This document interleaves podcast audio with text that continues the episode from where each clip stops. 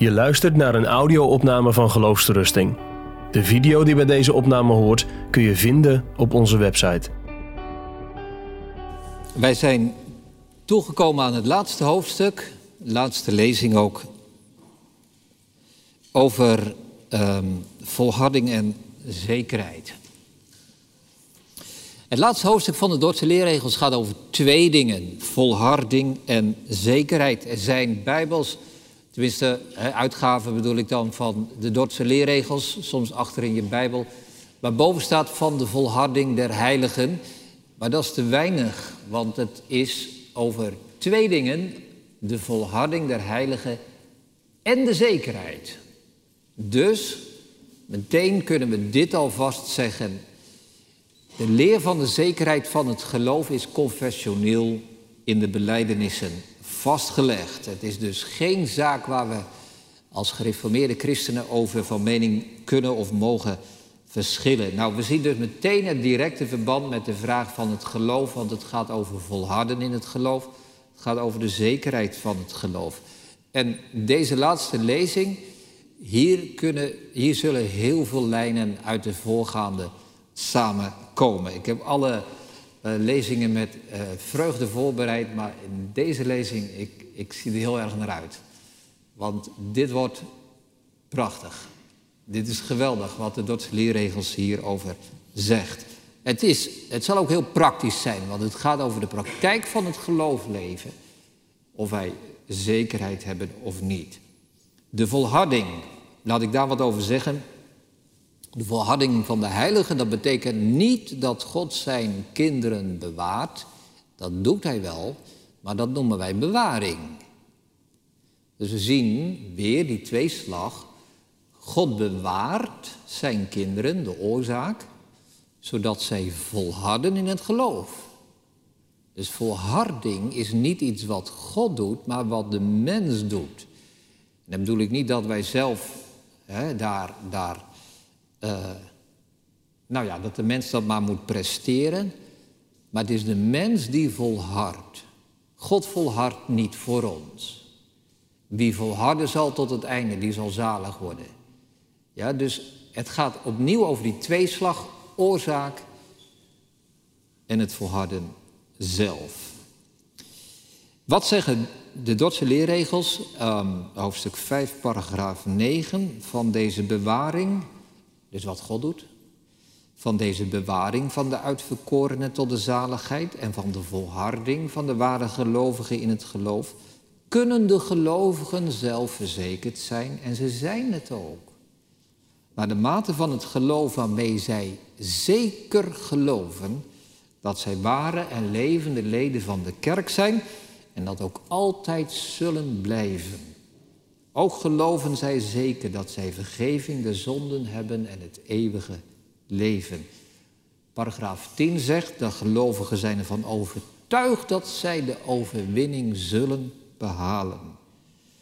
Er staat bij, in paragraaf 10 ook, als zij deze zekerheid van de volharding niet hadden, zouden zij de ellendigste van alle mensen zijn. Dit is nogal stevige, krachtige taal. Het gaat dus over twee vormen van zekerheid. Er is een zekerheid van het geloof, waarmee je zeker gelooft, waarmee je weet dat je nu gelooft. Maar er is bovendien de zekerheid waarmee wij weten dat wij blijven geloven. Tot het einde. Dat wij zullen volharden. Ik zal op allebei die vormen van zekerheid ingaan. De Dordtse leerregels, paragraaf 9, die ik net voorlas, zegt niet: sommige gelovigen hebben zekerheid en anderen hebben dat niet. Zij zeggen: alle gelovigen hebben zekerheid en alle gelovigen zijn zeker van hetzelfde. Waar zijn zij zeker van? Twee dingen: dat zij vergeving van zonden hebben en het eeuwige leven. Nou, denk je, hoe kan dat? Want dat is nogal wat. Durf ik te zeggen dat ik vergeving van zonde en het eeuwige leven heb? Hier blijkt weer het belang van het aanbod in het evangelie. Want wat wordt er in de prediking aangeboden? belooft, wat geeft God ons in de verkondiging? Vergeving van zonde en eeuwig leven. God belooft allen die tot hem komen de rust der zielen en het eeuwige leven. Hoofdstuk 3, 4, paragraaf 8. Als God ons dat aanbiedt en het geloof aanvaardt wat God geeft, dan zijn wij zeker van de rust der zielen en het eeuwige leven. Dat hoort bij elkaar. De gelovigen kunnen zelfverzekerd zijn en zijn het ook omdat zij zeker geloven dat zij zijn en altijd blijven zullen ware en levende leden van de kerk. Omdat zij geloven dat zij hebben vergeving de zonde en het eeuwige leven. Dus we zien hier die vier kernwoorden weer samenkomen. Geloven in het evangelie. Dat is de schakel van aanbod naar zekerheid. Zo hebben wij gepreekt, zegt Paulus 1 Korinthe 15 verzelf. En zo hebt u geloofd. Dit hebben wij u aangeboden met bevel om te geloven en zo hebt u het geloofd en hebt u ontvangen wat wij hebben aangeboden. Dus dat geloof in de belofte van God, paragraaf 10 van hoofdstuk 5, is de sterkste basis voor de zekerheid. De zekerheid spruit uit het geloof aan Gods beloften. Er staat bij dat die zekerheid is naar de mate van het geloof. Er zijn mensen met een klein geloof. Er zijn mensen met een groot geloof. Er zijn mensen met een zwak geloof, mensen met een sterk geloof. Maar wat de gelovigen geloven is in alle gevallen gelijk. Ze geloven allemaal hetzelfde. Namelijk wat hen in het evangelie beloofd is. Vergeving de zonde en eeuwig leven. En als je een zwak geloof hebt, heb je een zwakke zekerheid. Maar je hebt toch zekerheid. Als je klein geloof hebt, heb je weinig zekerheid, maar je hebt wel zekerheid. En het allereerste moment dat jij gelooft, misschien gisteren, misschien vandaag, voor het eerst in je leven dat je gelooft, heb je zekerheid. Want vanaf het allereerste moment heb jij die zekerheid nodig. Als die zekerheid pas na een jaar komt, ga je vandaag niet geloven. Want om te gaan geloven heb je die zekerheid nodig dat je vrede met God hebt en vergeving hebt en het eeuwig leven mag bezitten. En dan zegt Dort niet, ja, God, die weet, God kent de zijne hoor, en ze komen er allemaal, alle uitverkorenen, dat ligt helemaal vast en zeker. Dat is waar, dat is waar, maar dat bedoelen we niet als we het over de zekerheid van het geloof hebben. De Dordtse leerregel zegt dat zij zelf zeker zijn, omdat zij zeker geloven. Dus het is niet dat God dat weet, en dat is de enige. Het is niet dat mensen zeggen, nou die, die komt er wel hoor, hij draagt of zij draagt het lampje op de rug, ze hebben het zelf niet door, maar dat is, die komt er zeker. Dort zegt, elke gelovige gelooft zeker en hij weet het ook. Want hij gelooft wat er in het evangelie beloofd wordt. Afgevaardigden van Emden zeiden het als volgt. Daarmee gaven ze de visie van Dort goed weer. God beveelt in zijn woord dat wij geloven. Hij belooft dat wij dan zalig worden. Wel nu, door dat bevel en door die belofte die zo vaak in het woord wordt herhaald, werkt God krachtig in de harten van de uitverkorenen en werkt Hij in het geloof, waardoor zij terecht mogen zeggen dat zij in de Heer Jezus geloven. Hieruit trekken zij de onfeilbare conclusie, die in de Heer Jezus gelooft wordt zalig. Ik geloof werkelijk in de Heer Jezus, daarom word ik zalig. Dit is dus niet een bijzondere openbaring waardoor slechts sommige gelovigen op uitzonderlijke wijze van hun volharding worden verzekerd, maar het is de gebruikelijke wijze die de Heilige Geest gewoonlijk gebruikt. Einde citaat. Er is nog een tweede zekerheid, namelijk de zekerheid van de volharding. Daarmee weet ik niet alleen dat ik nu geloof, maar weet ik dat ik zal blijven geloven. Hier gaan de wegen uiteen met de remonstranten. Die geloofden niet in de zekerheid van het geloof. Tenminste, je moet blijven geloven tot het einde toe.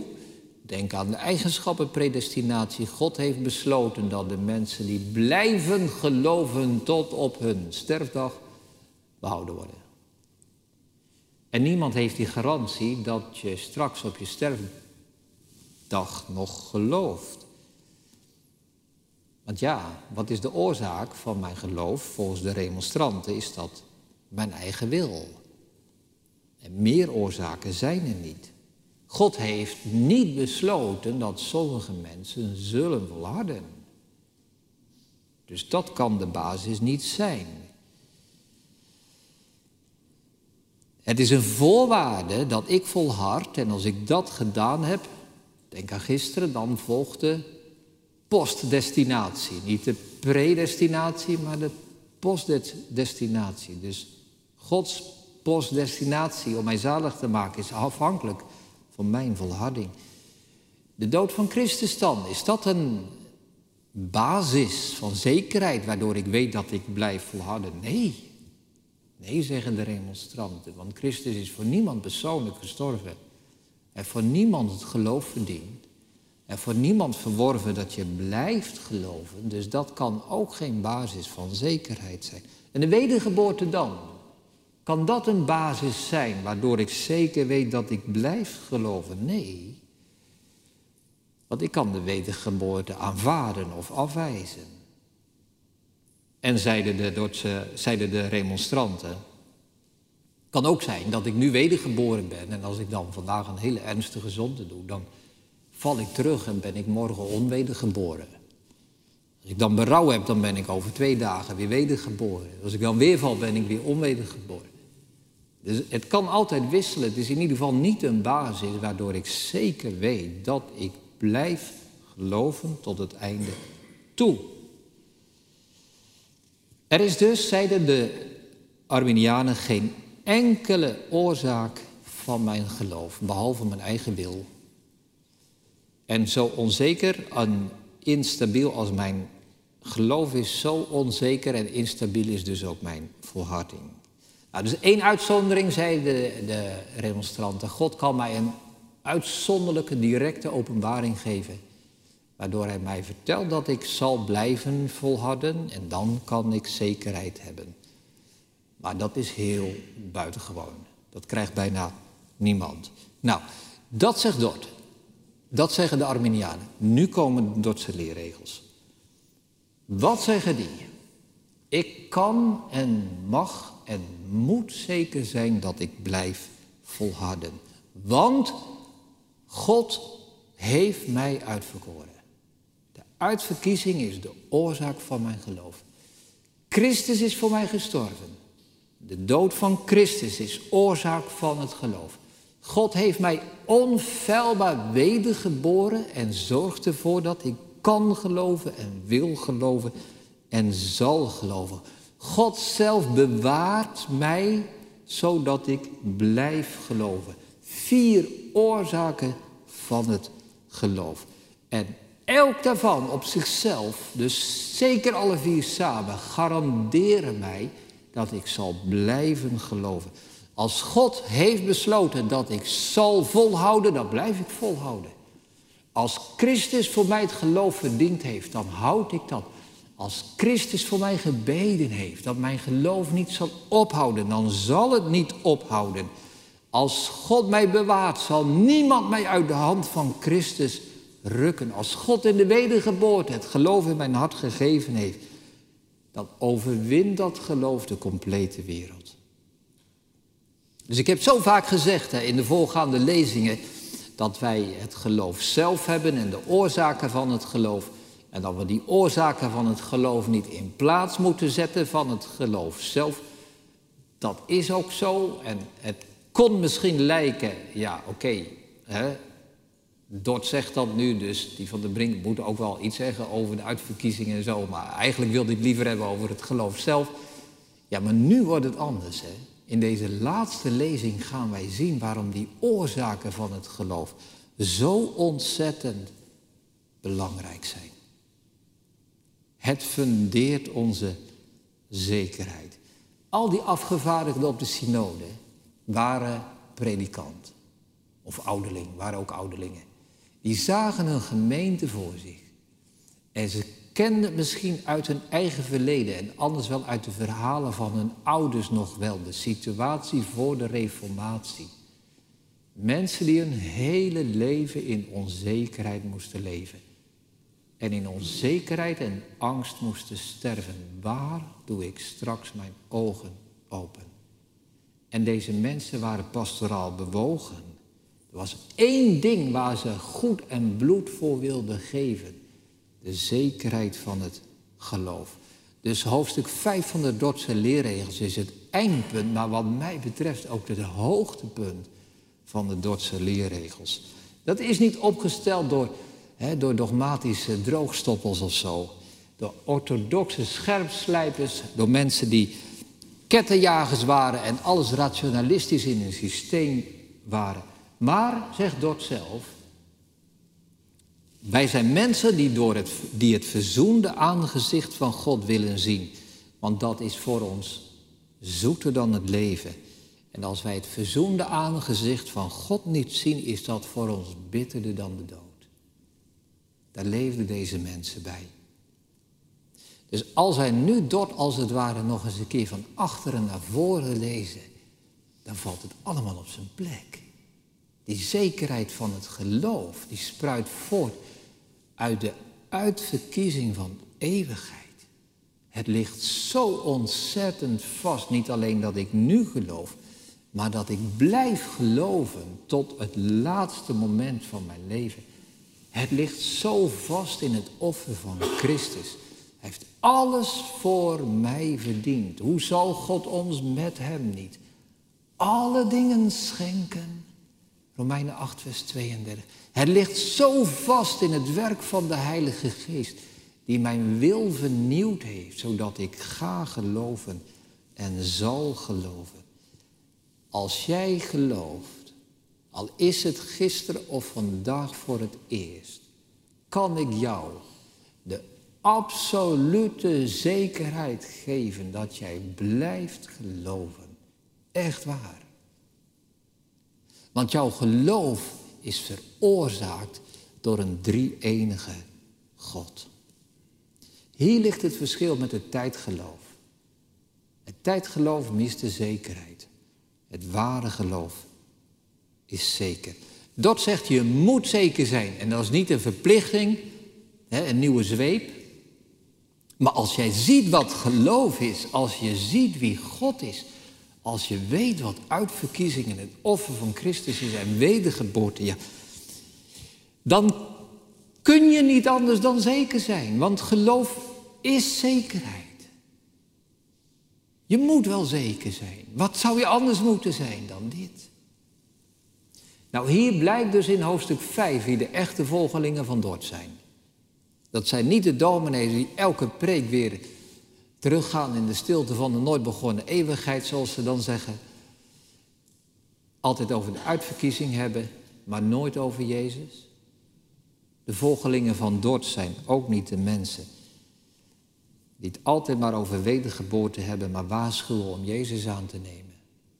De echte volgelingen van Dort zijn de mensen die een geloof prediken wat zekerheid. Dat opkomt uit de uitverkiezing en uit het offer van Christus en de wedergeboorte. Ik heb in de voorbereiding voor deze lezingen heel wat boeken over de Dordtse leerregels gelezen. Nou, dat zijn dan zo de verrassingen van de studeerkamer, zeg maar. Ik heb echt verbaasd over wat voor kronkelredeneringen sommige mensen overhoop halen om maar niet te lezen wat er in de Dordtse leerregel staat. Het staat er. Het geloof is zeker en we blijven zeker. Dus bevindelijk gereformeerde theologie is misschien wel bevindelijk als je van alles vertelt, maar het is niet gereformeerd als de zekerheid van het geloof erin ontbreekt. Als onzekerheid normaal is en als zekerheid verdacht is, als ongeloof geaccepteerd is en twijfel wordt aanvaard, dan wordt het tijd om de Dordtse leerregels te lezen. Wat zegt Dort? Hoofdstuk 5, paragraaf 15. De leer van de volharding van de ware gelovigen en de leer van de zekerheid in deze volharding wordt door het vlees niet begrepen, wordt door de Satan gehaat, wordt door de wereld bespot, wordt door de onervaren en schijngelovige mensen misbruikt en worden door dwaalgeesten bestreden. Maar de gelovigen hebben het lief. Ik kan het ook anders zeggen. Als wij de uitverkiezing beleiden, als wij de particuliere verzoening beleiden, als wij de noodzaak van de wedergeboorte beleiden, maar we komen daardoor niet uit bij de zekerheid van het geloof, dan hebben we Dort verkeerd gelezen. Dan is er onderweg echt wat fout gegaan. Dat hebben, lijkt het misschien artikel 1 en 2 en 3 en 4 allemaal keurig volgens Dort uitgelegd.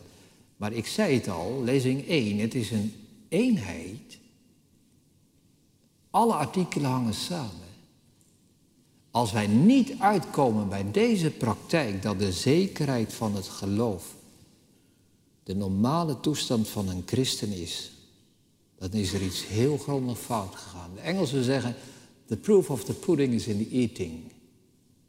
Wat is de praktijk? Wat is wat wij om ons heen zien? Zeg mij of de zekerheid van het geloof in de praktijk functioneert. En ik zal je zeggen of je de Dordtse leerregels goed begrepen hebt en werkelijk beleid. Nou, laat ik nog wat zeggen over die zekerheid van de volharding, want ik vind het, ik vind het ook geweldig om erover te spreken. Wat zegt Dort over de zekerheid van de volharding? We hebben die oorzaken gezien, uitverkiezing, de dood van Christus, de wedergeboorte, de bewaring in het geloof. Als je gelooft, mag je ook zeker zijn dat dit de oorzaken zijn. Als jij gelooft, mag je ook zeker zijn dat jouw geloof hierdoor veroorzaakt is. Dus wie het evangelie gelooft, is er zeker van dat je, uit, dat je uitverkoren bent. Want het geloof komt alleen maar voort uit uitverkiezing. Dus als jij hier vanavond zit en misschien denkt, ja, ik geloof. Veel meer kan ik en durf ik er niet over te zeggen dan dat ik dit evangelie geloof. Dan heeft God jou lief gehad van eeuwigheid. Dan heeft Christus aan jou gedacht toen hij hing aan het kruis. Dan heeft de Heilige Geest hoogst persoonlijk in jouw leven gewerkt en jouw wedergeboorte te gegeven. Hoofdstuk 1, paragraaf 12. Van hun verkiezing worden de uitverkorenen verzekerd te zijn het tijd, hoewel bij onderscheiden trappen en met ongelijke maten. Niet als zij de verborgenheden en de diepte van God nieuwsgierig onderzoeken, maar als zij de onfeilbare vruchten van de uitverkiezing waarnemen, zoals het waargeloof in Christus. Daaruit weten wij dat wij, dat wij uitverkoren zijn. De gelovigen zijn ook zeker van de dood van Christus voor hen. Luister eens hoe vaak dat woordje ons voorkomt in hoofdstuk 2, paragraaf 2. God heeft zijn enige geboren zoon voor ons tot een borg gegeven, die opdat hij voor ons zou genoeg doen, voor ons of in onze plaats, zonde en vervloeking aan het kruis geworden is. We mogen zeker zijn van de oorzaak van de, van de wedergeboorte. Hoofdstuk 3, 4, 15. Degene die de genade van de wedergeboorte ontvangt, is aan God alleen zijn eeuwige dank verschuldigd en hij dankt God ook voor de wedergeboorte. Bewaring in het geloof, ook zo'n oorzaak. Van deze bewaring van de uitverkorenen tot de zaligheid en van de volharding in het geloof kunnen de gelovigen zelf verzekerd zijn. En ze zijn het ook. Dus al die oorzaken die wij hebben gezien hoofdstuk 1 en 2 en 3 en 4 komen terug in hoofdstuk 5. En al die oorzaken van het geloof zorgen ervoor dat wij zeker zijn. Niet alleen dat wij nu geloven, maar dat wij blijven geloven. Dus stel dat ik weet van mijn geloof, maar dat je afvraagt, blijf ik wel geloven? Morgen en in de toekomst. Noach zat in de ark, maar hij wist niet of de ark het volhield. Misschien zou de ark morgen wel zinken. Daar, daar hebben wij die, die oorzaken voor nodig. Dus nu blijkt, hopelijk zie je dat, nu blijkt hoe belangrijk die oorzaken van het geloof zijn. Uit de oorzaken van het geloof, uit die onveranderlijke oorzaken, mogen wij weten dat niet alleen dat wij nu geloven, maar dat wij zullen blijven geloven. Tot het einde toe. Psalm 23 zag ik, werd vaak aangehaald in de acta van de Dordtse synode. Goedheid en goede tierenheid zullen mij volgen al de dagen van mijn leven. Dat is mooi. Dat mogen wij voor vandaag zeggen en voor morgen en voor elke dag die nog komen gaat. Het is duidelijk dat Dort hier een conclusie, een redenering inschakelt. Ik heb dat net al even genoemd. Uh, hoe die zekerheid tot stand komt, niet door een bijzondere openbaring. Eerder heb ik gezegd in de vorige lezing dat God onze wil inschakelt, maar God vernieuwt ook ons verstand, zodat wij die dingen mogen vaststellen. Als je het geloof hebt, mag je concluderen, mag je vaststellen dat de oorzaken van jouw geloof niet in jouzelf liggen, maar in de drie-enige God.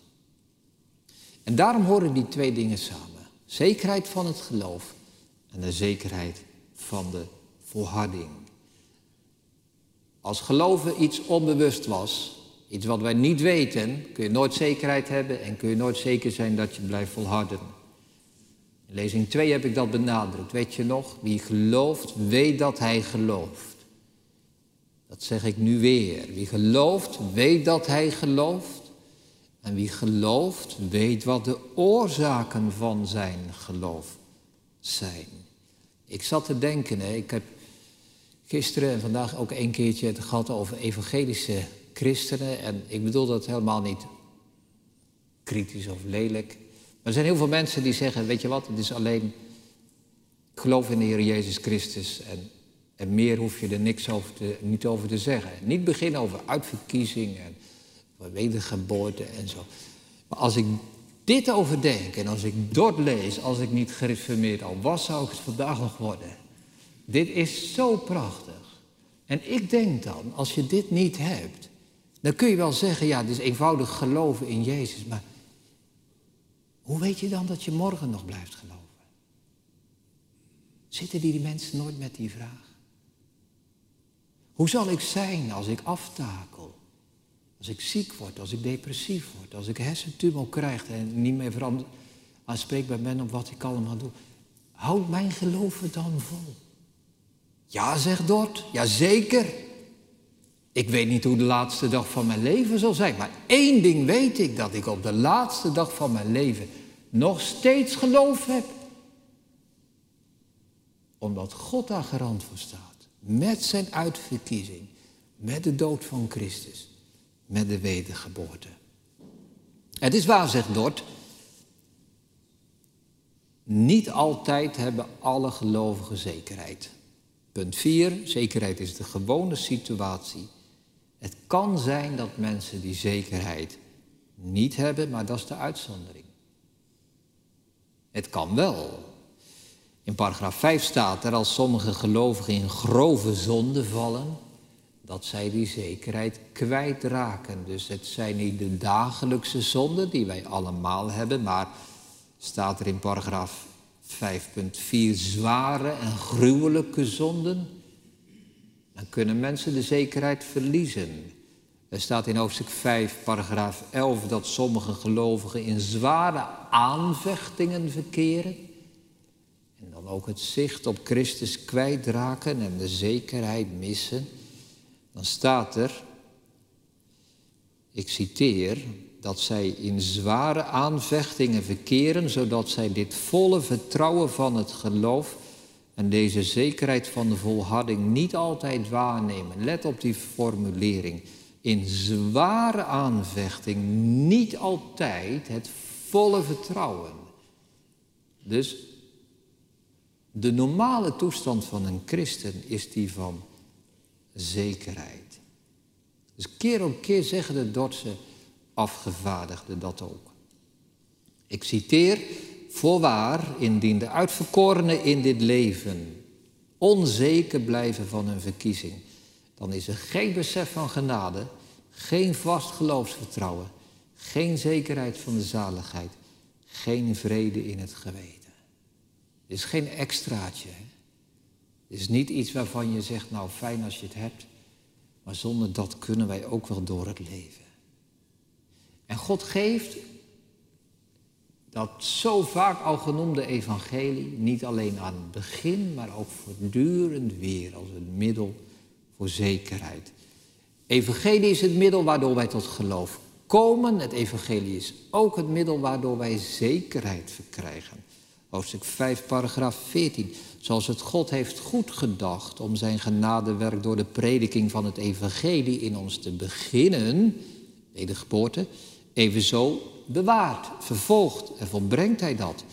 Het horen, lezen en het overdenken van datzelfde evangelie. De zekerheid van het geloof is daarom een situatie die de gelovige waardeert, waar hij blij mee is. Paragraaf 15. De bruid van Christus heeft de geloofszekerheid altijd als een rijkdom van onschatbare waarde beschouwd, heeft hij bemind en verdedigd. Het is abnormaal als een gelovige geen zekerheid verlangt. Het is ongewoon en vreemd als wij kunnen leven zonder zekerheid. Dit is een punt waar je voor mag strijden. Als jij in een gemeente verkeert waar de zekerheid van het geloof verdacht wordt gemaakt, mag je, ik zal niet per se zeggen moet je, maar mag je zeker gesprek aangaan.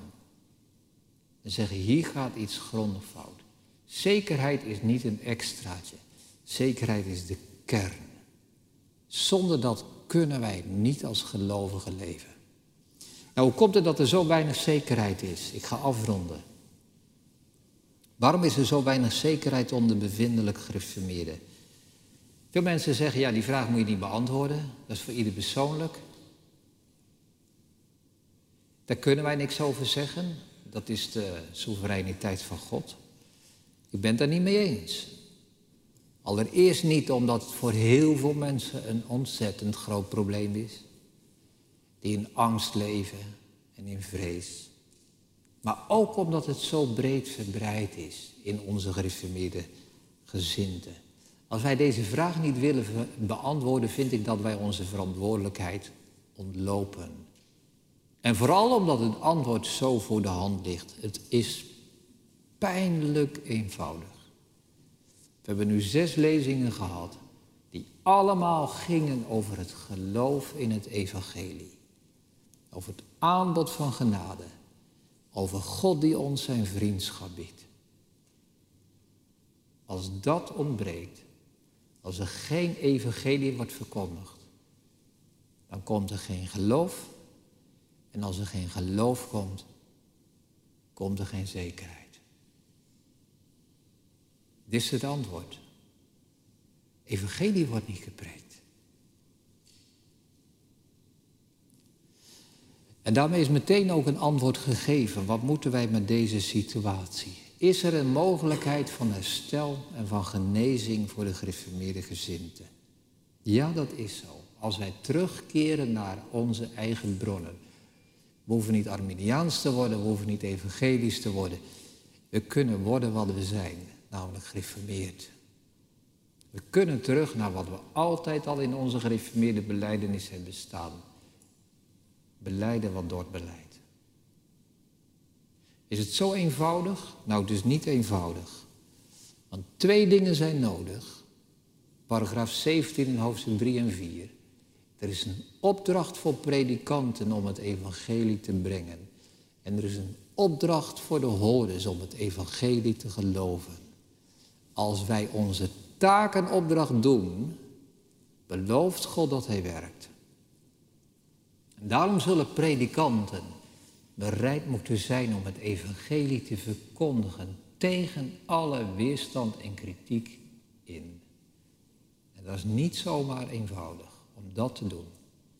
En dan zullen alle hordes bereid moeten zijn om gehoorzaam te zijn aan de grote opdracht in het evangelie, geloof in de Heer Jezus Christus. En echt niet alle hoorders zijn bereid om daaraan te gehoorzamen. Ik wil maar zeggen, het is niet een dogmatisch probleem waar we mee zitten. Het is een geestelijk probleem. En de wortel van alle geestelijke problemen is ongeloof. Ongeloof. En er is maar één middel tegen ongeloof. En dat middel is zo krachtig. Dat ik echt niet pessimistisch ben. Er is één middel tegen ongeloof. En dat is het geloof in het evangelie van onze Heer Jezus Christus. Amen.